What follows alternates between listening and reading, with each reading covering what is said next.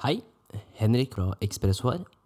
I dagens episode skal dere få høre intervjuet Odin Teigeland og jeg gjorde med CTO-en i Microsoft, Shazad Rana.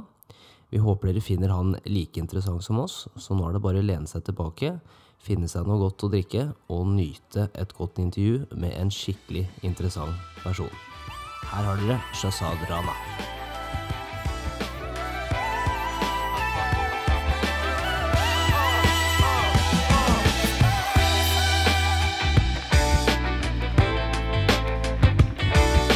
Sasha Rana, takk for at du tar deg tid til å snakke med oss i denne podkastepisoden.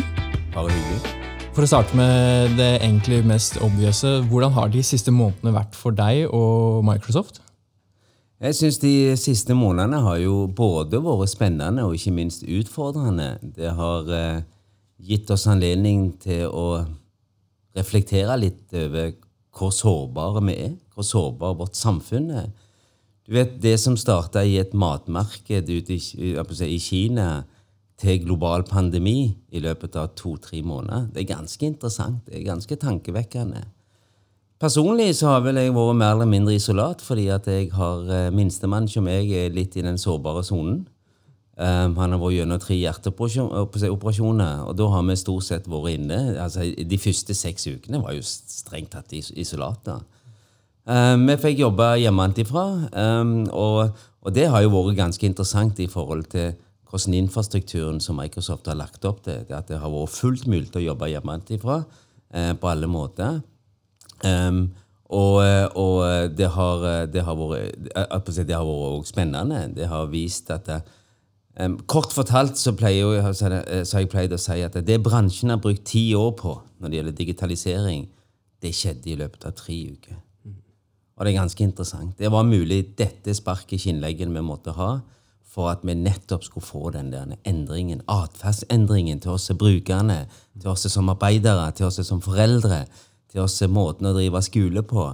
Så, så kort fortalt så har det vært en utrolig interessant reise.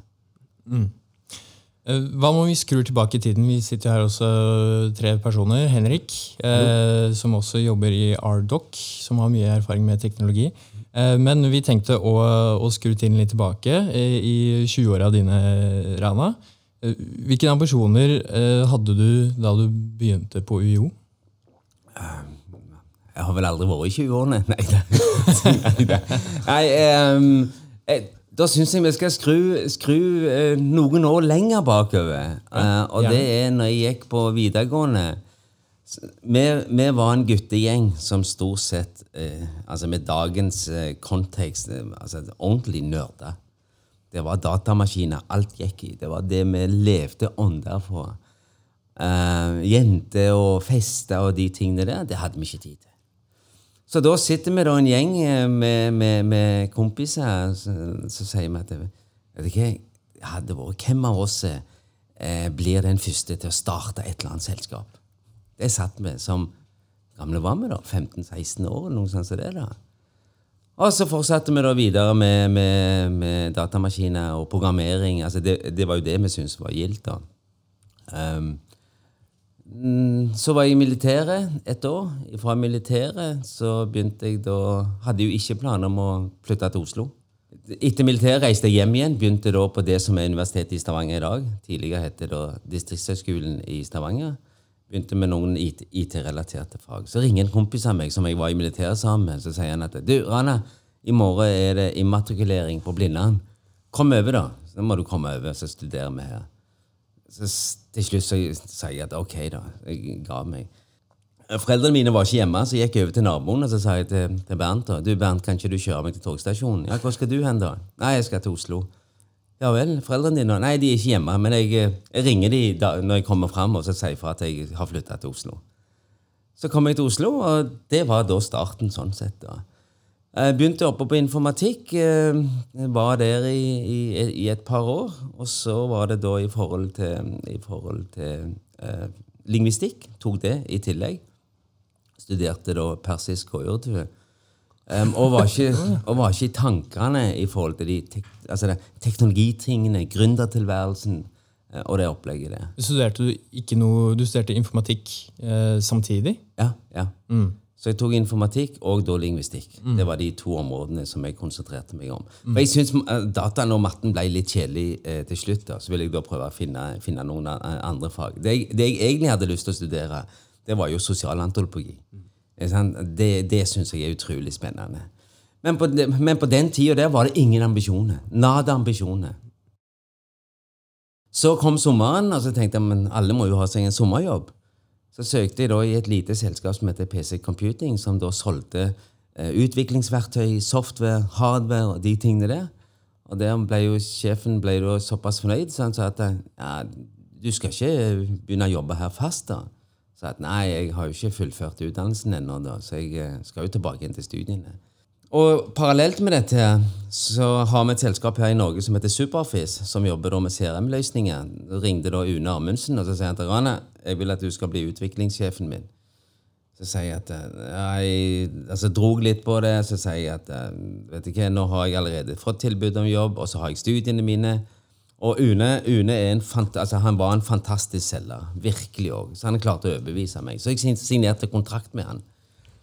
Sitter hjemme da på hybelen min den, eh, den helga, kvier meg veldig. da. Til slutt så tenker jeg da at ok, jobb det kan jeg få meg når som helst. Studiene de kan jeg gå tilbake igjen til. Nå, Det jeg har lyst til å gjøre, det er å starte et selskap for meg sjøl. Eh, Beslutta det, eh, og tok da og sendte oppsigelsen min med taxi den mandagen jeg skulle starte hos Rune Amundsen. Og sa opp før jeg hadde starta. For jeg torde ikke møte han, for jeg visste at han ville kjefte meg i huden full. Da. Så jeg sendte det med taxi. Og han ble ordentlig sinna. Så det tok han ti år før han tilga meg da, på den der oppsigelsen. der. Hvordan var den samtalen etter ti år? Hva var eh, Nei, Han lurte jo på hva jeg surra det til. da. Men i mellomtida så hadde jo ting gått ganske bra. ikke sant, med annet det der. Og så kikka han på meg og sa vet du hva, Rane, jeg skjønner deg. Jeg kjenner deg. For at, eh, han er jo samme typen sjøl, da. Så det her starta da rett etter studiene? Du Nei, det midt i studiene. midt i studiene Ja, ja, eller helt på slutten av studiene. Ja. Jeg hadde jo planer om å ta hovedfag, da, men jeg kom aldri så langt. Eller det som i dag er master. tror jeg. Ja. Men det blei jo en bedrift ut av det, ble det ikke? Jo da, det ble både én og det ble flere bedrifter ut av det. Sånn at når du først pensler mindsettet inn på det sporet, så rulla jo det ene etter det andre med seg. da. Så eh, vi, vi endte opp med mange spennende bedrifter som på, på, på ulike tidspunkt ble solgt. Noen ble fusjonert inn i andre typer eh, kontekster. Engasjerte meg jo veldig mye i ulike typer bransjerelaterte problemstillinger. Um, havna i styrene i, i enkelte selskaper. Så det har jo vært 25 år med en fascinerende reise på alle måter. Men hvordan starta de første bedriftene? Altså, jeg synes Det er litt interessant å høre hvordan, hvordan ideen kommer til. For det virker jo som om du, du egentlig bare gjorde det du var interessert i. Eh, Det var ikke tanken å skulle starte noe stort med en gang? eller? Nei, det er helt riktig, det. Um, um, når det gjelder å finne på ting, um, så har jeg hatt den eh, gleden av å alltid få lov til å gjøre det jeg sjøl syns er gildt. Fordi at det å prøve å gi noe som ikke du trives med, glem det. Det tror jeg ikke blir noe av. Og så har det aldri vært noe mål å, å bli steinrik eller den type ting. Men det er det å være med og si for noe, utfordre eksisterende, etablerte sannheter og holdninger, eh, og samtidig vise at det er fullt mulig å gi gjøre ting på en annen måte. Det første, første selskapet, som heter Windhelp, det var jo akkurat i dette her paradigmeskiftet vi hadde i IT-bransjen. Eh, Skiftet fra terminalbasert MS-DOS-type applikasjoner, eller apper eller, eller software, over til grafisk grensesnitt, som var med Windows-reisen. På den tida der så var det to grafiske operativsystemer. ene var IBM OS2, og den andre var Microsoft Windows. På den tida starta det på Windows 286, 386. Nå er vi så langt bak i tid vet du, at dere var jo sikkert ikke fødte på den tida, tenker jeg. Stemmer. Det stemmer. ja, da. Nei, så, så du vet ja, men altså, Få gi dere et lite bilde, da. Ja. Første datamaskinen jeg kjøpte Altså, Dette var som å være på et kasino. Du, du tar bare skjetongene og så sier du bare du går all in. Flytter det midt på bordet, og så place your bet. Da tok jeg hele studielånet mitt. Bokstavelig talt. Tok meg òg lån i banken. Eh, og da klarte jeg å skrape, skrape sammen rundt 40 000 kroner. Kjøpte en IBM, nei ikke IBM, en Eriksson eh, PC. eh, som, som da på den tida hadde da 640 kilobyte med minne. Den hadde da eh, Jeg tror ikke det var gigabyte engang. Nei, og så 100 megabyte med harddisk eller noe sånt. Og grønn, kul, flott, fantastisk skjerm. Um, som da jeg satt og kunne programmere og, og, og lage software på. Da Da tenkte jeg nå satser jeg på dette. Jeg hadde ikke råd til IBM OS2, eller PS2 som den maskinen heter, for den kosta 60 000, og det fikk jeg ikke penger og lån til. Og sånn sett så er jeg på mange måter veldig glad for det. da fordi at da måtte jeg lære meg opp i alt det Microsoft hadde, hadde å by på. Og det er ganske interessant, da. Så i 89-90 putta jeg all in på Microsoft MS-DOS og det som ville komme av Windows i 89. Nesten 30 år etterpå så sitter jeg og faktisk jobber i Microsoft. Uten at det var noe bevisst plan eller strategi. Altså, livet er forunderlig, da. Det er det. Jo.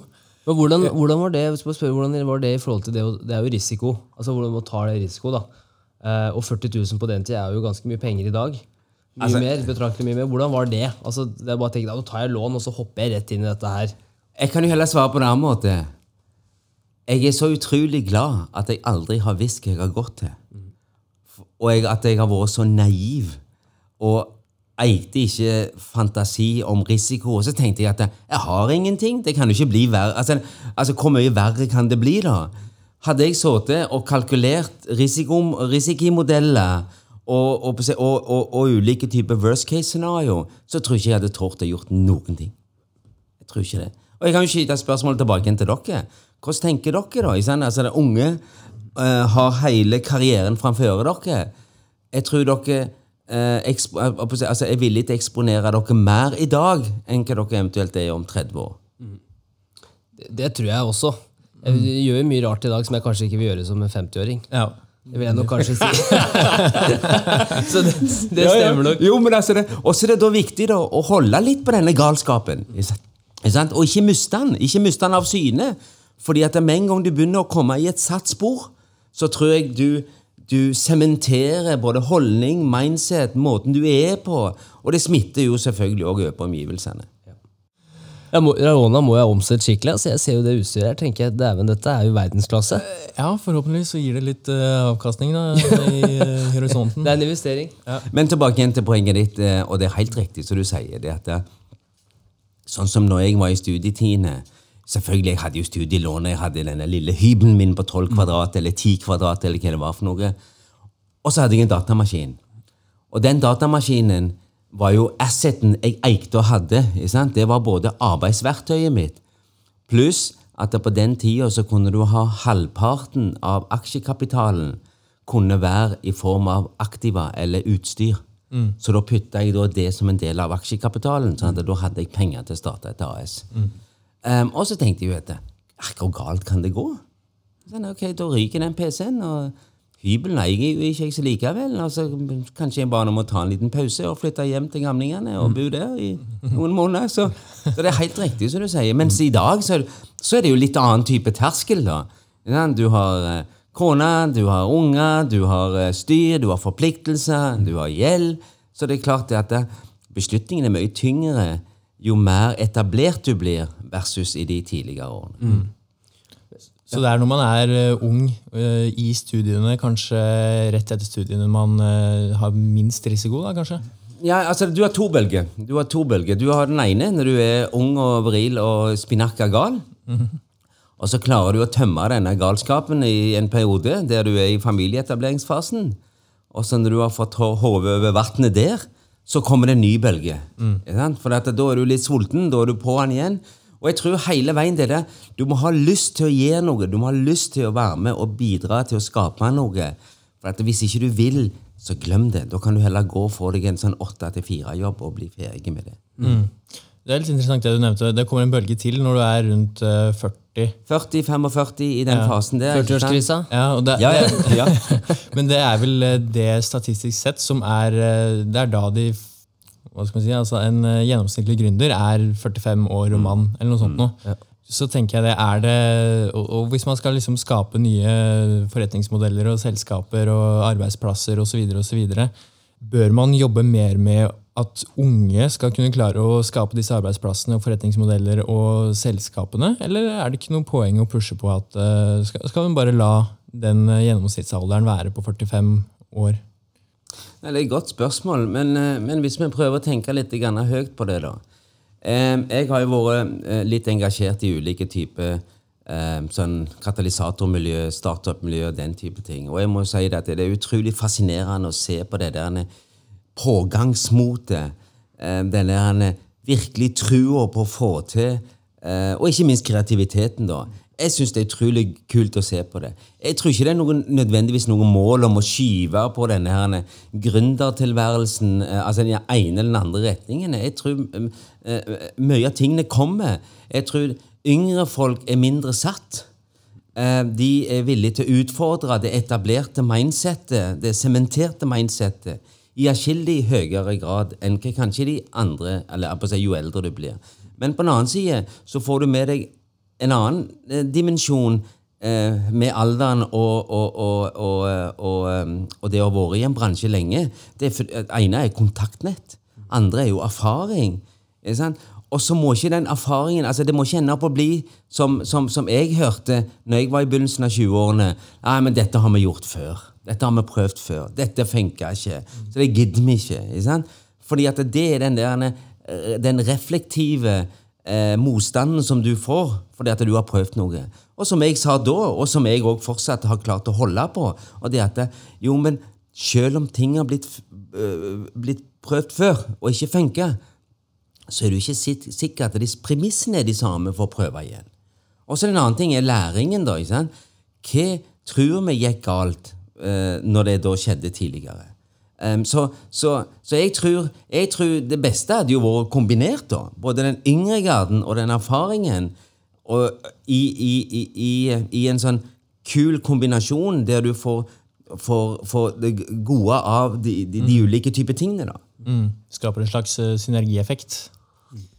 Jeg pleier å si dette um, Innovasjonen, altså den innovative ideen kommer gjerne opp hos et enkeltindivid, men den realiseres som et team. Mm. Og så må du ha teamsammensetningen. Mm. Og teamsammensetningen må en jo prøve å søke å finne nettopp og styrke de ulikhetene. For at det skjer noe spennende eh, i spenningsfeltet der friksjon oppstår. Det vil si der uenighetene oppstår. Eh, vi må slutte å tenke på likhet, at alle skal være like, det samme mindsettet. Du må, du må ha litt motstand inn i, i teamet skal du kunne klare å, å, å, å virkelig lykkes. Du hører jo også det, det var det jeg tenkte på i forhold til at um, Man hører jo at uh, oppstartsselskaper i Norge er jo som regel veldig gode på den første delen. Men det å skulle kommersialisere ideen og, og på en måte ta den, skalere den da, er det, er det, noen ting som du har sett uh, for også i Microsoft når du har jobbet tett med norske bedrifter, mm. som de har hatt utfordringer med? Også selvfølgelig ja. innenfor digitalisering også. Ja, altså nå, nå, har jo det endra mye siden, siden, siden, jeg holdt på. fordi at når vi skulle prøve oss med, med, litt internasjonalisering tilbake igjen eh, begynnelsen av 90-tallet, så var det jo Hva skal jeg si på noe? Um, hvis vi skulle gjøre noe i Danmark, så måtte vi ha et kontor i Danmark. Vi måtte ansette menneskene i Danmark. Vi måtte lage teknologien tilpasset til dansk. Vi måtte lage danske manualer, danske shrink-rapper, software. ikke sant? Det var en mye mer fysisk krevende, investeringstung type beslutning. I dag, med nettskyen, så treffer du et globalt marked på en helt annen måte. Sånn at eh, du trenger ikke den infrastrukturen på samme måte eh, som du trengte tidligere. Men på den annen side så er det jo òg et mindset med å altså, komme med forretningsideen, forretningskonseptet, og så ta utgangspunktet med at altså, En gjør dette her for å adressere et globalt marked, eller et større marked enn bare et norsk marked. Jeg, jeg har jo alltid hevda og meint at vi nordmenn er sabla flinke. Vi er kreative, eh, men vi er elendige på å skalere. Og vi er elendige til å internasjonalisere. Det har vært min holdning, og dessverre, vi har en lang vei å gå innenfor den, det, det mindsettet. Hvorfor tror du det? Hvorfor tror du vi nordmenn er så Eller på en måte, hva er det som gjør at vi sliter når vi skal i utlandet? det, det er et stort spørsmål. Jeg tror, jeg tror um, Altså, altså, jeg må, altså I rettferdighetens navn så må jeg si at det har selvfølgelig blitt, blitt bedre. Mm. Eh, når du treffer gründere i dag, så tenker de da et globalt marked. ikke sant? Men la, eh, la meg ta et eksempel. Eh, I Norge, et sånn klassisk norsk eh, startup-type selskap i en tidlig fase har, eh, har muligens eh, ti utviklere og to til å drive med på med salg og marketing og den type ting. Ikke sant? I et amerikansk startup-selskap så har du kanskje eh, 100 marketing-typer, mm -hmm. og så har du da samme antall yes. eh, altså utviklere. Mm. Er du med? Mm. Yeah. Så jeg tror, du, jeg tror, du, starter hele forretningskulturen, hele mindsettet, på en helt annen måte. Mm. Så, um, sånn at vi, vi, tar litt den der Hva skal jeg si for noe? Nitty-gritty og finner Petter Smart-delen, som er utrolig gode og sterke teknologisk, og så glemmer vi helt alt det andre som skal til. Da. Så det er en grunn til at eh, du har eh, si, 200 sales marketing guys i et amerikansk selskap, og, og, og, så har du kanskje to i, i, i Norge som da skal ut og adressere og misjonere eh, hele konseptet. Men det er veldig interessant, for det har også vært måte, den Arloc-modellen der hvor vi jobber i. Der hadde vi på en måte fullt av utviklere ja. på en måte siden selskapet starta i 2013. Ja. Helt fram til altså det er nærmere 2017, hvor da det blei kommersialisert. Da, da ja. begynte vi å fokusere på å ha markedsavdeling, salgsavdeling. Uh, og det har vi merka veldig mye, at det har vært veldig tungt med utviklere. Alt av utviklere har sittet i Norge. Og så da først i 2017, så, når vi skulle begynne å internasjonalisere og begynne å skalere da, utover landegrensene, så kom måte, salgsapparat på plass. da. Mm. Mm. Uh, og Det har jeg også merka veldig sånn med, med, amerikanske bedrifter også, at de investerer utrolig mye i den kommersielle delen ved å få mm. produktet til å se så mye bedre ut enn det det egentlig er. For å få mm. f.eks. HubSpot, Salesforce og de, de har klart å få på plass noen drivere. da. Selv om ja. kanskje produktet ikke er verdens beste, så har de i hvert fall vært veldig flinke til å promotere det.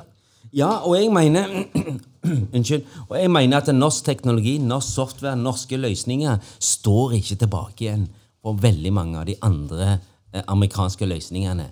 De er bare så forferdelig mye flinkere enn oss til å selge og markedsføre og pakke inn halvgode produkter til å fremstå som mm. gode produkter. Mm. Det, er, det er, kanskje så enkelt som kultur også? Selvfølgelig er det kultur. Vi, er jo, vi, vi vil jo helst at alt skal funke. Gjerne ha funka i noen år mm. før vi tårer å gå og skryte av det. Mm. Uh, mens, eh, mens uh, mye av uh, altså, amerikansk mindset i alle fall, er jo bare det, altså det Bare selv. Ja. Mm. Og så får vi rydde opp. Så vi, vi, vi, er redde for å love noe vi ikke klarer å holde? rett og slett? Ja, Men selvfølgelig, altså, det er jo bedringens vei. For mm. all del. Det, det, er det. Og så kreves det utrolig mye kapital. Altså, mm. Vekst koster. Vekst er smertefullt. vi er ikke flinke til å ha stor nok bensintank på den reisen vi skal på. Um, og vi har ikke en investeringskultur nødvendigvis til å tenke de tingene der. Men selvfølgelig, det fins hederlige unntak. Men det er jo unntak eh, um, som, som, som, viser at det er jo for all del håp. da. Altså Se på Kahoot, det er jo et kjempeeksempel mm. som klarer å adressere et ganske internasjonalt marked. Men det har vært noen kjeler som har både fått selvfølgelig teknologien fram, de har hatt kapital nok til å kunne jobbe med det, de har markedsført dette, og de har virkelig stått. Mm. Og så er det vel eh, det som har fått noe kritikk også, er vel når noen norske startups og etter hvert grow-ups eh, virkelig tar av, så blir de kanskje ofte solgt til utenlandske aktører. Og, og, det er det jo mange som mener mye om, om eh, man bør ha noen norske selskaper også, som faktisk får lov til å vokse til å bli virkelig store, istedenfor at man selger det ut. Da. Hva tenker du om det? Ja, det er jo et veldig tvega sverd, det, for, for all del. For at på en måte så er det jo en eh, si, fantastisk bekreftelse på at selskapet har truffet noe, og har mm. truffet noe riktig. Eh, på den annen side så er det jo ikke sikkert at en hadde fått tilgang på den kapitalen for å ta det neste steget. Mm. Um, så, så, så, jeg tror jo altså, Selvfølgelig, ingenting hadde vært mer spennende å kunne hatt et eh, internasjonalt eller, eller, eller, et norsk startup eller norsk unicorn med internasjonale kaliber eh, som har hovedkontor i Norge. Selvfølgelig, Det hadde vært utrolig spennende. Men da må jo òg forutsetningene og rammene ligge til rette for at det faktisk er mulig. Um, for det er veldig, altså, um, I så fall så må en òg ha med akademia på en helt annen måte. fordi at uh, disse selskapene da, som treffer litt av det hva skal jeg si, noe internasjonale uh, dimensjonen, de vil òg kreve til enhver tid Eller ikke kreve, de vil òg trenge til enhver tid å ha, å ha tiltrekning av talenter. Nye talenter. Nye mindset. Um, sånn at det, I så fall så må det bli et gravitasjonspunkt rundt de tingene. Mm. Eh, for å ta et eksempel, da. Bare i dette bygget dere sitter nå, da, så er det jo det 300 utviklere som sitter og programmerer i femte og sjette etasje her, som lager det meste av søk i Office-verden. De sitter jo her. Mm. Uh, og det er jo, mye av det er jo da altså det, fra tidligere Fast-miljøet som Microsoft kjøpte opp. Um, og det er jo på, på, mange måter kan du si det at nå sitter det en gjeng der oppe som lager uh, kode i verdensklasse til et globalt marked. Det kommer fra Oslo, folkens. Så det er klart det at um, så, kan, så kan vi jo spekulere i ja, men Hva om Fast hadde levd sitt eget liv? Hadde de klart å treffe dette globale markedet? Hva ville ha krevd i forhold til kapital, altså tilførselen? Altså, det er et sett med ting som må på plass skal vi lykkes med det. Men for all del, jeg elsker jo den tanken, og jeg skulle ønske at uh, politikerne hadde også lagt rammevilkårene til stede. Jeg skulle ønske vi hadde hatt et kapitalmarked som hadde hatt det samme mindsettet. Vi skulle hatt akademia med å få ut verdensklassetalenter, sånn at vi da faktisk kunne ha bygd norske unicorn i, altså, i, en, altså, i en, sånn internasjonal kaliber. Ingenting hadde vært mer spennende enn det. Og jeg tror jo at vi er i stand til å gjøre det, hvis vi bare vil gjøre det. Ja.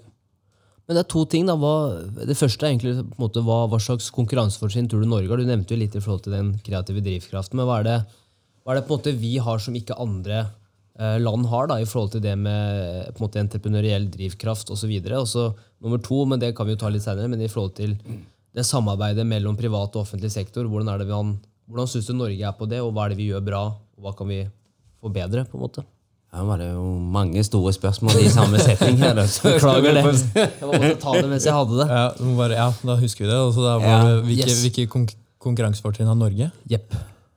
Jeg vil jo um, altså hvis vi, skal, hvis vi skal finne områder vi kan, vi kan hevde oss internasjonalt, så må vi søke etter uh, segmentet, uh, industrier, der vi mener vi har i dag et komparativt fortrinn og der vi har en tilnæring om at eh, dette her kan vi gi enda større internasjonalt. Det være seg shipping, maritimt, landbruk Jeg, jeg vet ikke. Oppdrett har ikke peiling. Um, for jeg tror du er nødt til å finne den der industrispissen, fordi at du må òg ha med deg norske fyrtårn. Um, la meg ta et eksempel. Det, var, det har vært noen forsøk, og det, ene ble stoppa. Um, sikkert av ulike årsaker. Det, og det var jo um, um, autonome skip. Autonome skip i seg sjøl vil kreve såpass mye kryssindustrikompetanse at skal du klare å få til eh, global impact her, så må du samle alt fra software, hardware, shipping, telemetri altså det er, så, eh, det er så mye som trengs i forhold til det. da. Og så, og, og så må en jo spørre seg ok, er dette et område som en å satse på. Hvis det er ja, hva kreves? Hva må vi ha med? Og så må vi da eh, jobbe med å få kapitalen. da. Og så må vi ikke bare gi opp fordi at vi ikke fikk til eh, etter, to, etter to, år eller tre år. Altså, Da må du holde trua, så må du justere så må du justere strategien helt til du får det til. da, i forhold til de tingene der. Jeg tror vi har en mye research å gjøre i forhold til å finne, eh, finne, finne, de områdene. Men fordelen som vi har jeg mener, altså Hvis du ser på kompetansen i Norge Gjennomsnittlig nordmann har en utrolig interessant eh, hva skal jeg si noe, gjennomsnittskompetanse. Altså Reis til USA, så finner du en gjennomsnittlig amerikaner. Eller ok um, altså, eh, Ikke for å begynne å havne i altså, politikkdiskusjon, da. Men, men, men, ja, ja. Nei, men altså, jeg er nødt til å si altså, Det er en grunn til at en person som Trump får mm. uh, altså, de stemmene som han gjør. Er du med? Mm. Med, med, det, med det verdenssynet han har, og det mindsettet han representerer, så treffer han jo uh, hos, hos, hos, en, hos en majoritet Det var vel en altså en smidig måte å si det på. Er du med? Ja.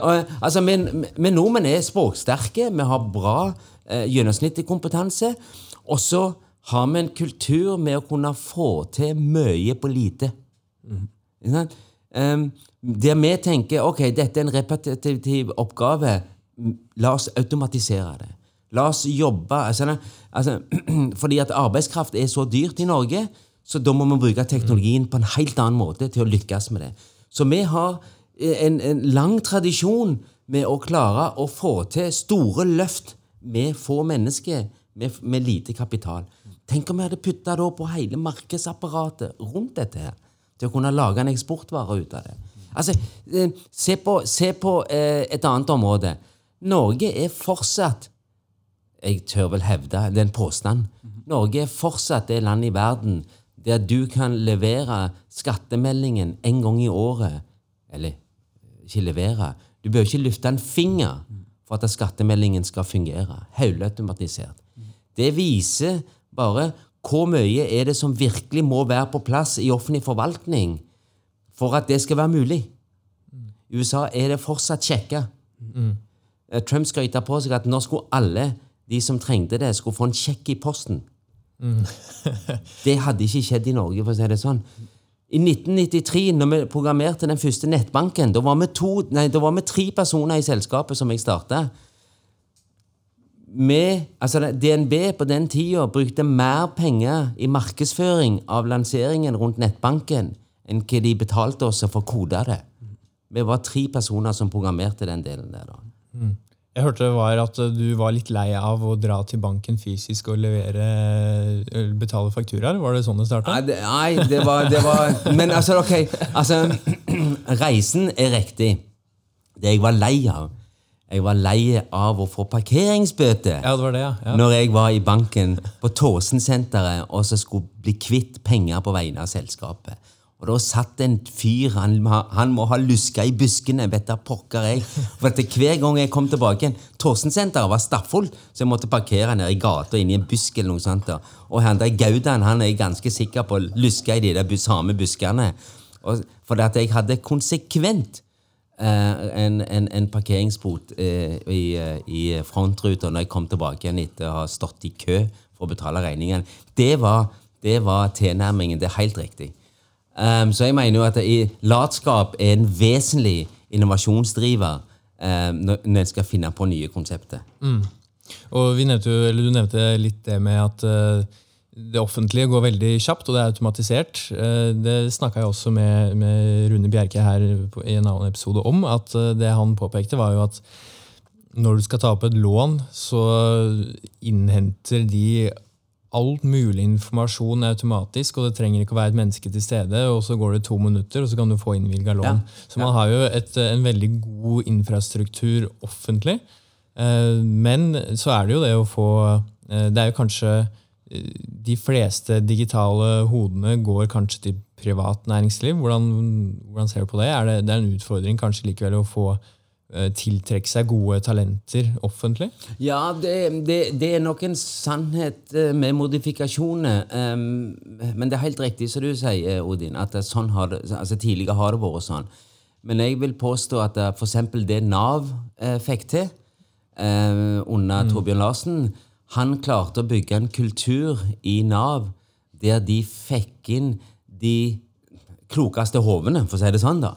Uh, um, til, til f.eks. Abelias frustrasjon, fordi at de ble, de ble eh, altså, hva skal jeg si noe, um, ledende på det å, eh, til å tiltrekke seg gode eh, altså talenter som privat næringsliv kunne uh, benytte seg av. Sånn at det har litt med mindset, og det har òg endra seg litt. Men det er, en, det er, en, vanskelig problemstilling, fordi at det, spørsmålet som du, du, du, du legger litt fram her, det er hva skal rollen til det offentlige være? ikke sant? Ehm, jeg, la meg prøve å svare på en annen måte. Jeg mener jo at offentlig sektors behov for digitalisering gjort på riktig måte er eh, vanvittig eh, næringsutvikling. Det her det samspillet som jeg tror vi er nødt til å tenke. Fordi, altså, eller, eller, eller for systematisert. Fordi at eh, vi må kunne ha en offentlig forvaltning som er både en krevende kunde og ikke minst har behov for mye av den teknologien i bruksområdet sitt. Men på den annen side så må vi bruke dette her vettugget, sånn at vi kan få til næringsutvikling der de samme eh, løsningene, produktene som lages for offentlig sektor, kan adressere et globalt marked. For jeg tror jo altså, vi, eh, eh Tilbake igjen til det Bjerke sa, da. Det at det, det at det er mulig å ha fullautomatisert skattemelding. Det at du kan søke om lån sånn som du kan gjøre i en bank uten at nærmest et menneske tar i det. Det er kunnskap, produkter, teknologi som mange andre land òg trenger. Og da er min tilnærming hvordan kan f.eks. DNB eller norske banker være med å løfte en ung entreprenørbransje til å treffe et globalt marked? Når vi da i 93 lagde den første nettbanken Grunnen til at vi kunne klare altså det, at, at, vi fikk til å lage nettbanken på den tida der, det var jo rett og slett at backoffice-delen i norsk finansbransje var såpass standardisert. Det hadde ikke vært mulig eh, i Tyskland eller i S Sverige eh, på den tida der. Vi fikk jo mange henvendelser med eh, på at eh, altså når DNB lanserte det, på at de ville gjerne kjøpe det samme produktet av oss tabben vi gjorde forretningsmessig. Og her er det litt sånn tilbake igjen til det vi snakket om i stad. Gründerskap, entreprenørskap. Jeg var da i begynnelsen av 20-årene. Tenkte jo mer på å kunne selge timer for å lage Eller som hadde penger til å betale lønn til, til, til, til mine to ansatte. Så vi signerte jo en kontrakt som gikk på timebasert, der DNB hadde eierrettighetene til det vi lagde. Så når DNB lanserte det, så kom jo internasjonale banker og ringte oss ned. De ville gjerne kjøpe samme produktet. Så, Tabben min var jo at dette var et konsulentoppdrag. Mm. Jeg burde jo ha tenkt på en kommersiell på en helt annen måte. Så måtte jeg ha tenkt at vet du ikke, her kan de få en bruksrett, her er det lisenser, liksom, den type ting. Men jeg hadde jo ikke erfaring til det. da. Mm. Så vi da tok kontakt med DNB. sa at vet du ikke, vi er villige til å betale tilbake igjen det dere har gjort også. Vi vil gjerne kjøpe kildekoden til at vi kan bruke den og selge den. Så var det sånn Nei, det, dette ble, ble, et strategisk verktøy for dem. Det ville de ikke. Mm. Så heldigvis så håper jeg da at vi har kommet litt lenger. fordi at her kunne banken, eller, eller kunden, da, for å si det sånn, om det er offentlig eller om det er privat, så kunne de ha sagt at ok, dere er et oppstartsselskap, dere trenger hjelp til å kunne få det til. Vi blir med på reisen inntil et visst punkt. Mm. Så vi, hadde vi kanskje vært internasjonale med i forhold til å lage bankløsninger. Eh, hadde vi fått den hjelpen og den korrigeringen, eh, og hadde jeg hatt den kunnskapen, da, ikke minst. Ikke og det kommer med erfaring. Så når du da starter neste gründerbølge, 40-45, så har du med deg en hel haug med erfaring på hvordan du ikke skal gjøre tingene. Mm. Det var en, jeg vet ikke om jeg svarte på spørsmålet engang. Jo, men, men jo, enda litt mer også. Fortsatt veldig Lille ekstra. Ja. ja. Det var i hvert fall lang reise, reise ut i skauen, og så Å, Jesus. Vi kom fram. Ja, ja, det var så, jeg, for jeg tenkte jo også på det i forhold til uh, Nå var jeg ute og henta vann, så kan jeg glipp av noe, da, men um, hva er det Eller hvordan vil du beskrive litt for, for, å følge opp det, da, det, det at uh, mer etablerte, større organisasjoner bidrar og støtter opp yngre, voksne selskaper. Da. Hvordan vil du si det er i Norge i dag? På, måte, forhold på den tida, da når dere måte, hadde ja. en mulighet til å gå internasjonalt. Hvordan, hvordan, tror du det er i dag? Um, jeg har nok ikke så mye altså, um, en, en, skal jo passe seg òg for hva, en sier for noe. da. Jeg vil vel hevde at det, eh, har sikkert blitt litt bedre, men det er langt ifra godt nok. Jeg vil hevde det. Um, jeg tror fortsatt vi har en sånn holdning, litt sånn innebygd holdning om at nei, dette skal vi få til best sjøl. Uh, vi er ikke flinke nok på samarbeid og samspill med andre aktører, gjerne med konkurrenter. Og jeg tror ikke vi tenker strategisk nok i forhold til å kunne løfte det der opp. da. Altså, um, jeg kan, jo, jeg kan, jo, referere litt til det som da har vært litt hva skal jeg si, for noe debattert i mediene. og Så, dere, så, så pakker jeg inn litt hva jeg prøver å si, u, u, uten, å, uten, å, trampe noen på tærne. Det har jo vært mye diskusjoner i forhold til f.eks. For innenfor fintech. Det vil si at de store aktørene, fyrtårnene, eh, av norske banker eh, engasjerer seg i startup-miljøet. Um, og de tar og, og, nærmest bare sitter og lytter post, og så mm. ser de på og dette beveger, og dette var interessant, dette var spennende. Og så springer de hjem, og så gjør de det sjøl. Mm. Det har jo vært noen påstander på det. Um, sånn at, um, og det er jo synd at det er sånne påstander i det hele tatt har rom til å komme ut. Fordi at det, her burde jo da de store hva skal jeg si for noe, fyrtårnene ha hatt et helt annet type samspill der de hadde vært å løfte småselskapene eh, til å lykkes eh, å si, og treffe et bredere marked enn de gjør i dag. Hvilket initiativ har de store fyrtårnene til å gjøre det, annet enn at det er liksom ansett riktig og, og CSR og sånt noe? Jeg tror, eh, jeg, tror hatt, jeg tror de hadde fått et helt annen type brand, helt annen type økosystem. Jeg tror du hadde fått en helt annen standing hadde du gjort det. La, eh, la meg ta et eksempel. Eh, Microsoft er et globalt selskap. Eh, 130 000 ansatte, eller røftlig noe rundt til det. Hele forretningsmodellen til Microsoft er å bygge opp partnerapparatet sitt. Eh, ved at Microsoft investerer tid ressurser til, til, å få et oppstartsselskap til å lykkes på deres teknologi, indirekte så lykkes òg Microsoft. Mm. Tenk om du hadde fått det mindsettet, iallfall når, når, når, når Rune Bjerke gikk ut og sa at ja, men DNB er ikke en finansinstitusjon, det er et softwarehus. Ja, da må du tenke software, da må du tenke økosystemet. Da må du tenke inntjening ti år fram i tid på en helt annen måte enn hva du tenker ved å flytte penger. Det handler vel også litt om å, når du måte, jobber tett med, med mindre oppstartsselskaper som egentlig har en unik teknologi og, og har en helt annen innfallsvinkel, da, så tror jeg det også handler litt om synspunkter som bedriften ikke selv har. Som også burde være en, rett og slett en verdifull ressurs for de, er jo på en måte å få se ting fra et helt nytt perspektiv i forhold til hvordan de jobber, og, og, og få ting utifra da, også. Ja, for jeg tror jo, jeg tror jo samla sett Eller um, tilbake igjen til det vi var, uh, snakket om i stad. Det er, det er hvordan skal vi klare å skape uh, norske selskaper uh, i internasjonalt kaliber? Um, først så må en jo selvfølgelig, som, som, som, jeg snakket om i stad, smale inn og finne industrisegmentet som du ønsker å adressere det i. Og så må du da um, finne hvem er fyrtårnene i den bransjen i dag. Det er ikke nødvendigvis de som vil være fyrtårnene om 20 år. Og så må en da finne da miljøet, altså kreativiteten. fordi at det, ting er jo konstant endring. Det ser vi jo eh, fra ene industrisegmentet til det andre. For 20 år siden så hadde jo aldri banken gått og sagt at, at vi er, er et software-selskap. Um, vi tenker jo um, altså, vi, altså Brukerendringen, brukeratferden, er jo på en helt annen måte.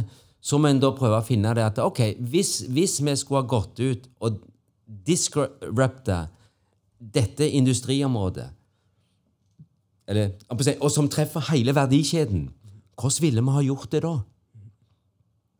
Det, det tror jeg ikke bare én bedrift klarer alene. Men der må du søke klynge, der må du tenke bredere. Du må tenke kryssindustri, eller, eller, eller kryssdisipliner. Og så må du få sette sammen denne pakken her til å kunne satse på det og si at okay, dette, skal, dette skal være vår månelanding i årene framover. Og det er et samspill som må til. Eh, så det sånn, litt sånn avslutningsvis, det jeg tenkte kunne vært veldig interessant å høre om, er jo også litt i forhold til eh, hvordan vi jobber i Arlok. Det er jo som regel med virksomhetsarkitektur så handler det veldig mye om endringsprosjekter, digitale endringsprogrammer.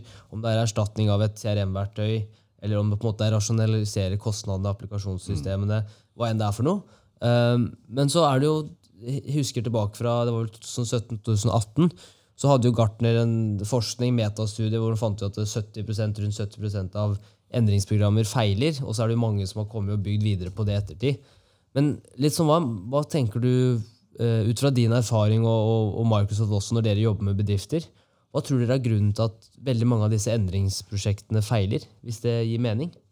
Nei, altså det, det, det mest brutale svaret er jo at det, det du definerer som endringsprosesser, er strengt tatt ikke noen endringsprosess i det hele tatt. Um, det har vært mer med skal jeg si noe, et forsøk på å putte litt strøm på disse skjemaene. Mindset, Altså putte strøm på den analoge mindsettingen.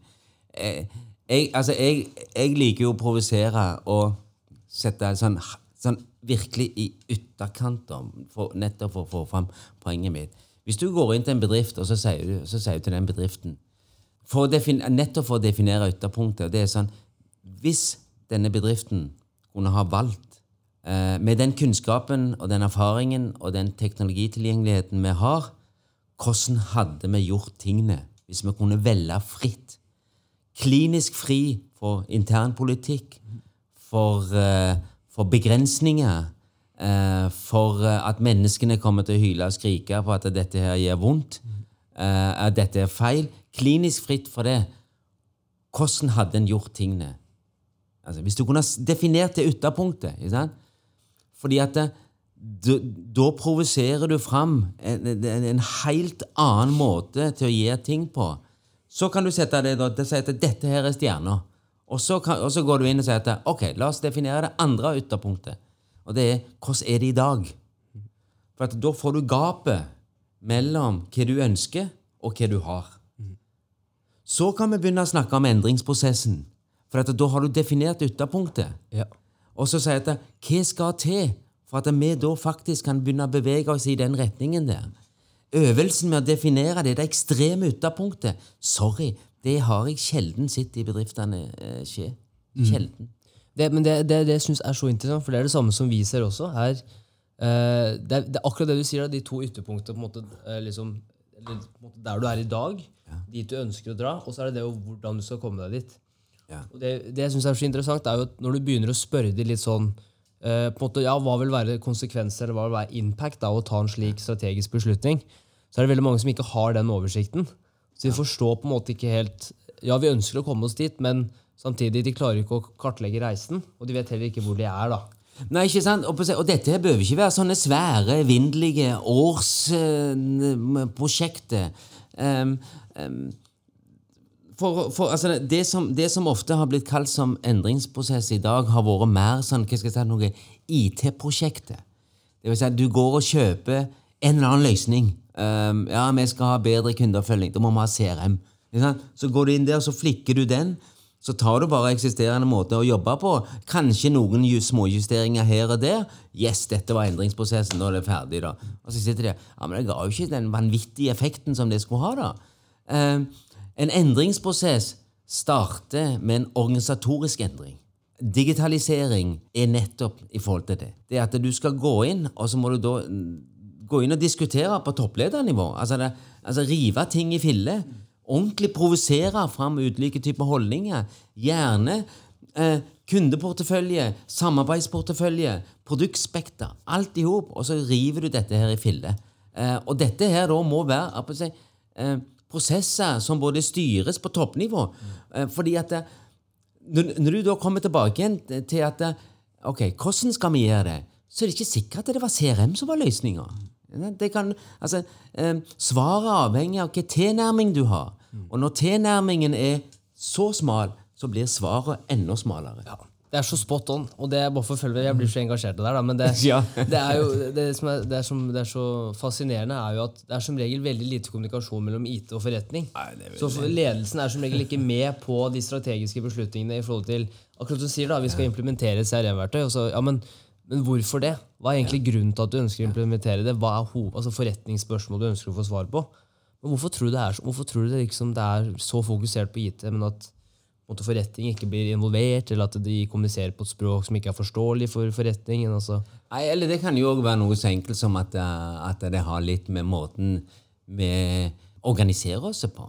Eh, Med det så legger jeg i at eh, Jeg pleier ofte å si til, til, til IT, hvis det er IT jeg snakker med Husk på Eller, ok, jeg, jeg, det er mulig jeg er litt ufin nå. For eh, ofte, ofte så hører jeg det at fint. Ja, eh, ofte så ja, Eller for dere er det sikkert fint. Det er ikke sikkert det er for de som, det er ikke sikkert for de som lytter. Nei, men liksom eh, Ok, jeg, jeg behøver ikke nevne navn, da. Men, men, men, men eksempelet er veldig beskrivende. Du kommer gjerne til en IT-sjef i en eller annen organisasjon, og så, eh, så, og så snakker du med de i forhold til Og så spør jeg ja, men hva med det og det og det. Altså, ofte får jeg høre da, eh, svaret med at Nei, de har ikke fått noen bestilling på det fra ledelsen. Altså, Du har ikke fått noen bestilling eller noe mandat fra ledelsen på det. Men har du tatt deg bry med å prøve å selge dette inn til ledelsen, da? Som ofte så IT-avdelinga sitter på som en, en implementør, en gjennomfører. IT-sjefene burde jo heller ha sittet i ledergruppene og diskutert de strategiske linjene nettopp i forhold til da, distribusjonen. Og det er mulig at IT-sjefen i dag ikke besitter den kompetansen, men i så fall så må de finne profiler som faktisk har den kompetansen. Teknologi da er så mye mer. Skal du bruke det som et strategisk eh, verktøy eller instrument, så må du òg faktisk kjøre de strategiske diskusjonene på toppnivå i forhold til de tingene der. Ja, for det ser jo Internasjonalt så blir jo IT-ledere blir jo stadig mer involvert i ledelsen. Men det er fortsatt en lang vei å gå, og det er litt sånn som du sier det med at det blir sett på som en bestillingsfunksjon framfor en partner. Ja, ja. Altså Det bør være en diskusjonspartner. Og når du ser også da altså, eh, eh, altså Det er jo litt sånn småkomisk òg, da. fordi det har jo sunket innover mange bedriftsledere og valgkomiteer til styre og stell og de tingene der. da, ikke sant? Det var sånn, ja, men Digitalisering og teknologi må være en del av styresettingen. Og så når jeg sitter og ser det, og så har noe styre da fått inn ulike typer profiler. Og så når jeg sitter og ser på det, så er det ganske fascinerende. fordi at det er jo de samme menneskene som går igjen. ikke sant? Ja, ja, Det er bare på tror regjeringa. Nei, sorry. Ja, ja. Nei, men liksom, Kanskje skulle hun tenkt litt bredere. Tenkt litt videre på eh, altså, hva er det vi egentlig trenger, da? Så Det har jo gått litt sånn sport i, i, i ting, da. Men ok, nå må jeg passe meg, ellers så havner jeg på tun. ja, også jeg, nå må jeg, spotte, nå må jeg snart eh, løpe. Ja, det, Jo, men altså, kan vi ikke si det sånn at det, det vi ikke ble ferdige med i dag Ja. hvis, hvis dette her eh, vekker interesse hos eh, lytterne deres, så får vi heller ta en, en, en, en fortsettende episode, da. ikke sant? Del to, rett og slett. Yes. Ja. Det høres, jeg kunne prate, som sagt, jeg kunne prate om dette hele Ja, dag. jeg er ikke fremmed for det, jeg. Så det har vært interessant, det. Ja. Ja, ja, men Det har vært uh, utrolig hyggelig. Igjen, tusen takk, eh, Rana, Bare eh, for hyggelig. at du tok deg tid. Og Henrik, selvfølgelig alltid hyggelig å snakke med deg også. Definitivt. Og ja, takk Rana, og takk også Odin, for at jeg fikk lov til å være med i dag.